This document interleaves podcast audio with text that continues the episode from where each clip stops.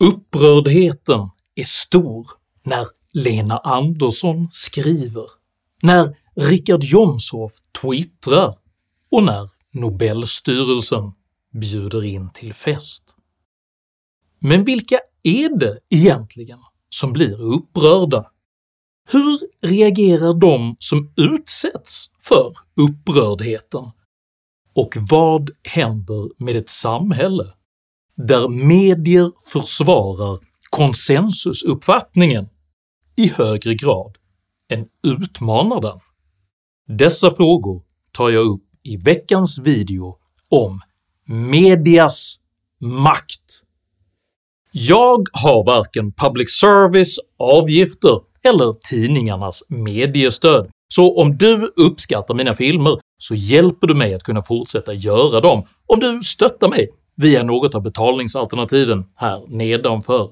Det är endast tack vare ditt generösa och frivilliga stöd som jag kan fortsätta att utveckla denna kanal, så ett stort stort tack till alla de av er som bidrar. Idag talar jag om medier, marknadsandelar och makt. Häng med!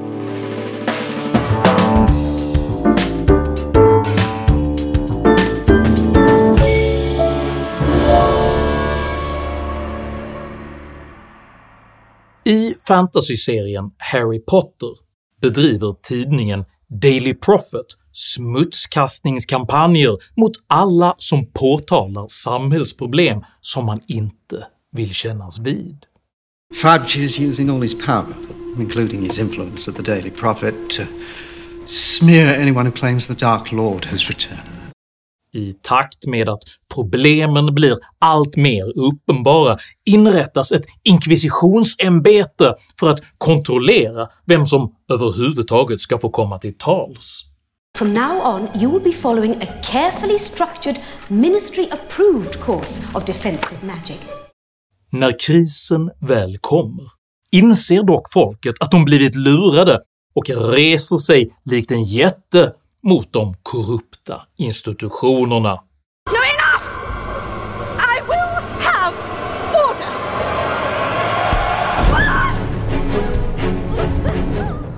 År 2008 sammanfattade journalisten Göran Skytte ett liknande auktoritärt ideal för offentligheten med orden “Journalister fungerar som grindvakter. Vi bestämmer vilka och vad som ska släppas igenom ut till publiken och vilka och vad som ska hållas tillbaka genom att man stänger grinden. Denna paternalistiska syn på mediernas roll institutionaliserades år 2013 av Dagens Nyheters nytillträdde chefredaktör Peter Wolodarski när han fastslog att tidningen kommer att satsa mer på agendasättande journalistik.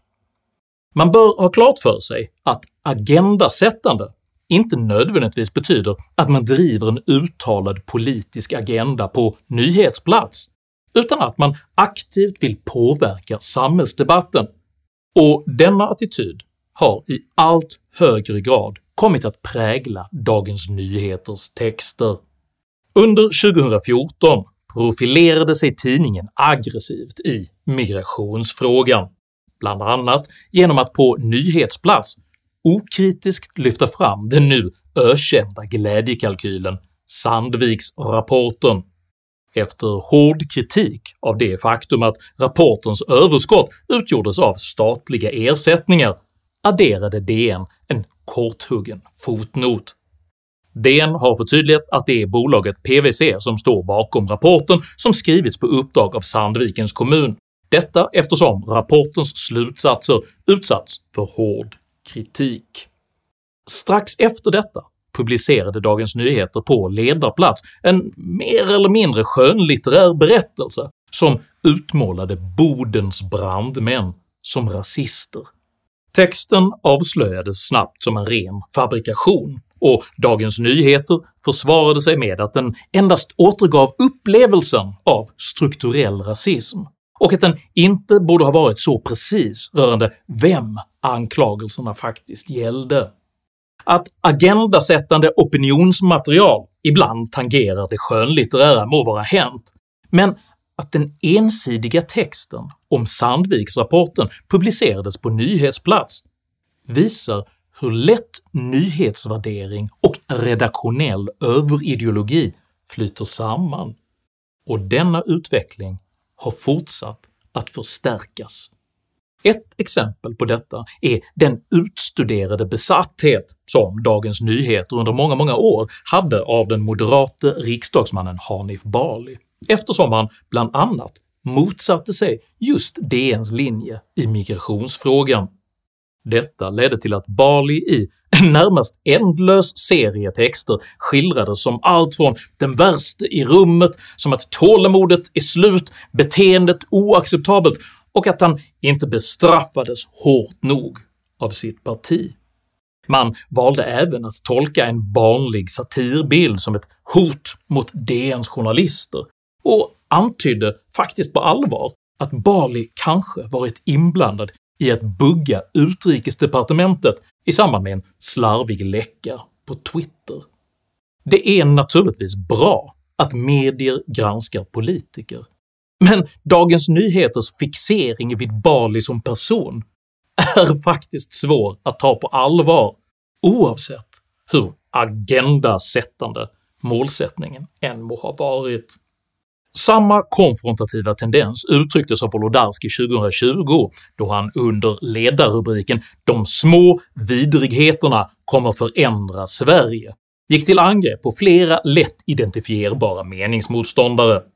Texten uppmanade till motstånd mot den brutaliserade samtid som hade fräckheten att börja förlöjliga Dagens Nyheters överutnyttjande av klichéartade begrepp och formuleringar som “god ton”, varningar om 30-talet och “politisk korrekthet”. I linje med denna motståndskamp publicerade tidningen i början av detta år den pekorala programförklaringen för en upplyst värld vilken dramatiserad med sökljus och varma, förtroliga närbilder på flera av tidningens profiler beskrev deras egen journalistik som den oumbärliga ledstjärna som lyser upp livet, konsten och världen. Självförtroendet är det alltså inget fel på, men att ingen redaktion drar i nödbromsen när tidningens ledning utan självironi vill beskriva sin egen produkt med orden “i solstrålen som skiner genom morgontidningens tunna blad lyser världen upp i ord” vittnar alltså inte uteslutande om en arbetsmiljö med fulländad psykisk hälsa. Genom dessa grandiosa glasögon ter sig naturligtvis världen uppdelad i gott och ont, rätt och fel, DN-läsare och mörkrets krafter, varav de sista måste betvingas.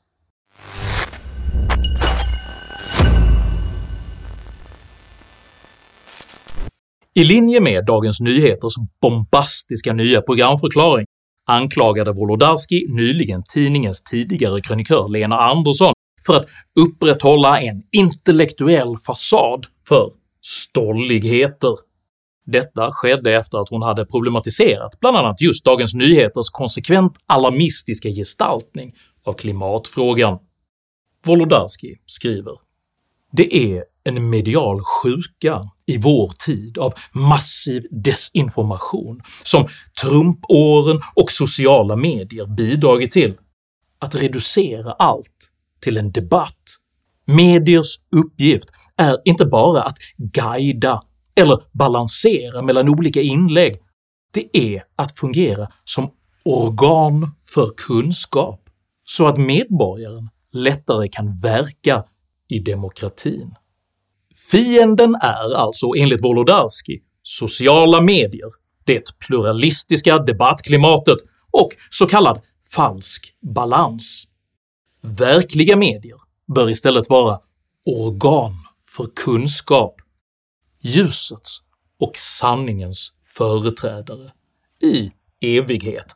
Amen.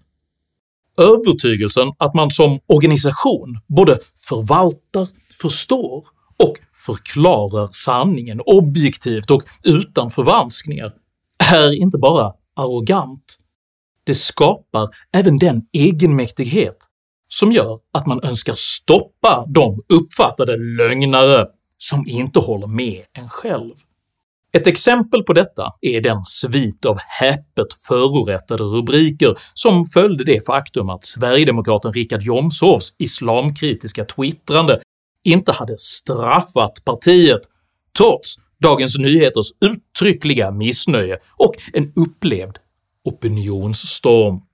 Både reaktionen och nyhetsvärderingen är talande eftersom stormen huvudsakligen existerade på de ideologiskt snarlika redaktionerna på just Dagens Nyheter och Public Service, medan majoritetssamhället i allmänhet antingen höll med om Jomshofs kritik eller var helt ointresserade av politiskt tjafs i sociala medier. Det finns helt enkelt en ökande klyfta mellan ljusets självpåtagna grindvakter och vanligt folk.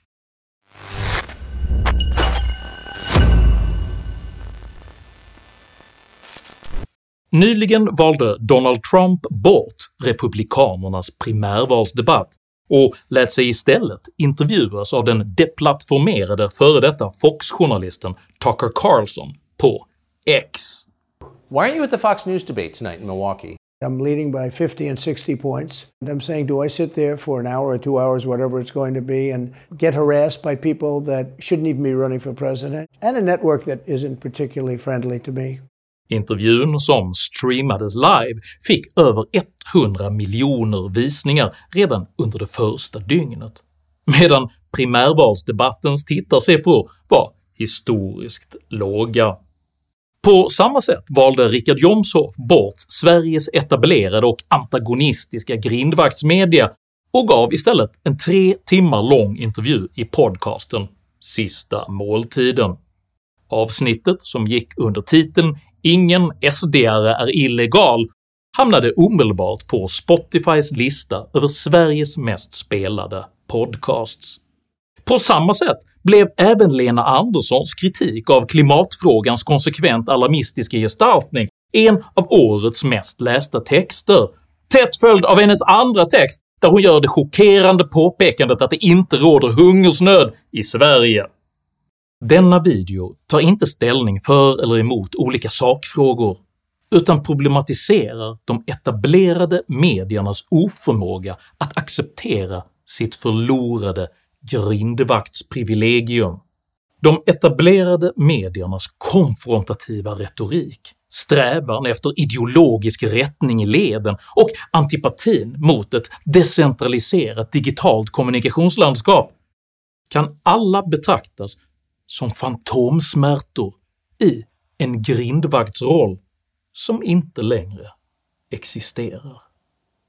När Peter Wolodarski beskriver sociala medier som en rutschkana för extremism och fastslår att hans egen tidning är den enda ledstjärnan i desinformationens mörker, då uttrycker han grindvaktens fantomsmärtor. När mediestrategen Britt Stakston beskriver de sociala medierna som manipulation av det offentliga samtalet och att under rubriken “Alla röster förtjänar inte att komma till tals” förordar vad hon kallar “strategisk tystnad” för att inte släppa fram fel åsikter. Då uttrycker hon grindvaktens fantomsmärtor. När public service-redaktörer och partiföreträdare grötmyndigt förklarar att Twitter inte längre är en relevant plattform, då uttrycker de grindvaktens fantomsmärtor.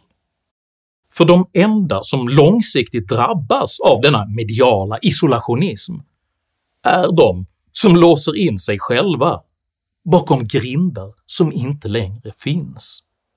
För trots de etablerade mediernas högdragna övertygelse om att de och de alena är unikt skickade för att försvara ljuset, sanningen och godheten, så kvarstår ett obestridligt faktum. Verkligt kunskapssökande vitaliseras av motbilder, kontraster och åsiktsmässig mångfald. Den som däremot önskar upprätthålla en renlärig gestaltning, dramaturgi och åsiktsgemenskap måste ytterst även bekämpa motbilder som opassande distraktionsmoment. Att nyansera klimatfrågan bespottas därför som klimatförnekelse. Att problematisera migrationsfrågan förkastas därför som rasism. Att påpeka att reduktionsplikten är en chimär och att grönt stål inte kan produceras med propellerdrift hånas som osolidariskt bakåtsträvande. Motbilderna finner vi nu istället i just de sociala och alternativa medier som så ihärdigt bespottas av grindvakterna.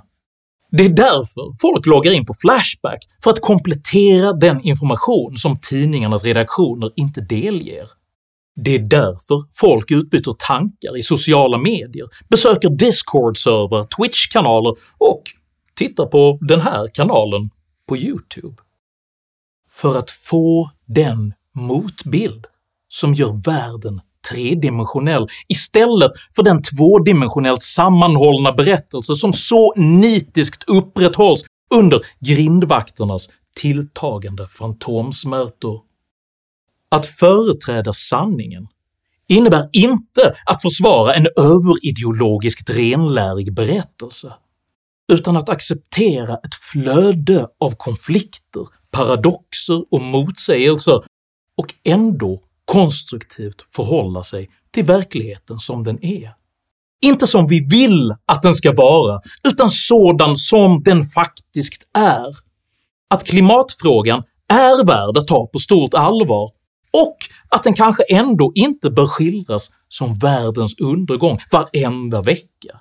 Att migration och fri rörlighet faktiskt kan berika samhällen, men att rimliga volymer kravställningar och en genomtänkt integrationspolitik i så fall också är nödvändig. Och att omställning, hållbarhet och miljöarbete är rimligt, men måste ske på ett sätt som är både fysiskt, tidsmässigt och ekonomiskt möjligt. Och verklighetens pluralism är inte små vidrigheter, inte heller rutschkanor till extremism eller ens fake news, desinformation eller trumpism. Sanningen är bara spretig, mångfacetterad och full av möjligheter. Jag säger inte att de etablerade medierna avsiktligt försöker vilseleda sin publik, men deras ovilja att tolerera avvikelser eller ens kompletteringar av den egna verklighetsbeskrivningen gör det svårare inte lättare, för människor att konstruktivt närma sig sanningen. Och när folk inser att man inte är den auktoritet man utgett sig för att vara, då riskerar de att göra sig av med både storinkvisitorer och självutnämnda grindvakter. Om du uppskattade innehållet i denna video så hjälper det mycket om du delar den med dina vänner och kanske till och med stöttar mitt arbete via något av betalningsalternativen här nedanför. Dela även gärna med dig av dina egna åsikter och erfarenheter i kommentarsfältet här nedanför, men jag ber dig att alltid vara artig. Jag accepterar inte aggression, personpåhopp eller rasism i mina idédrivna kommentarsfält. Tack för att du som kommenterar respekterar detta. Jag heter Henrik Jönsson och jag anser att frihet är nödvändig för sanningen och att repression gör sanningen omöjlig att nå. Tack för mig och tack för att du har lyssnat.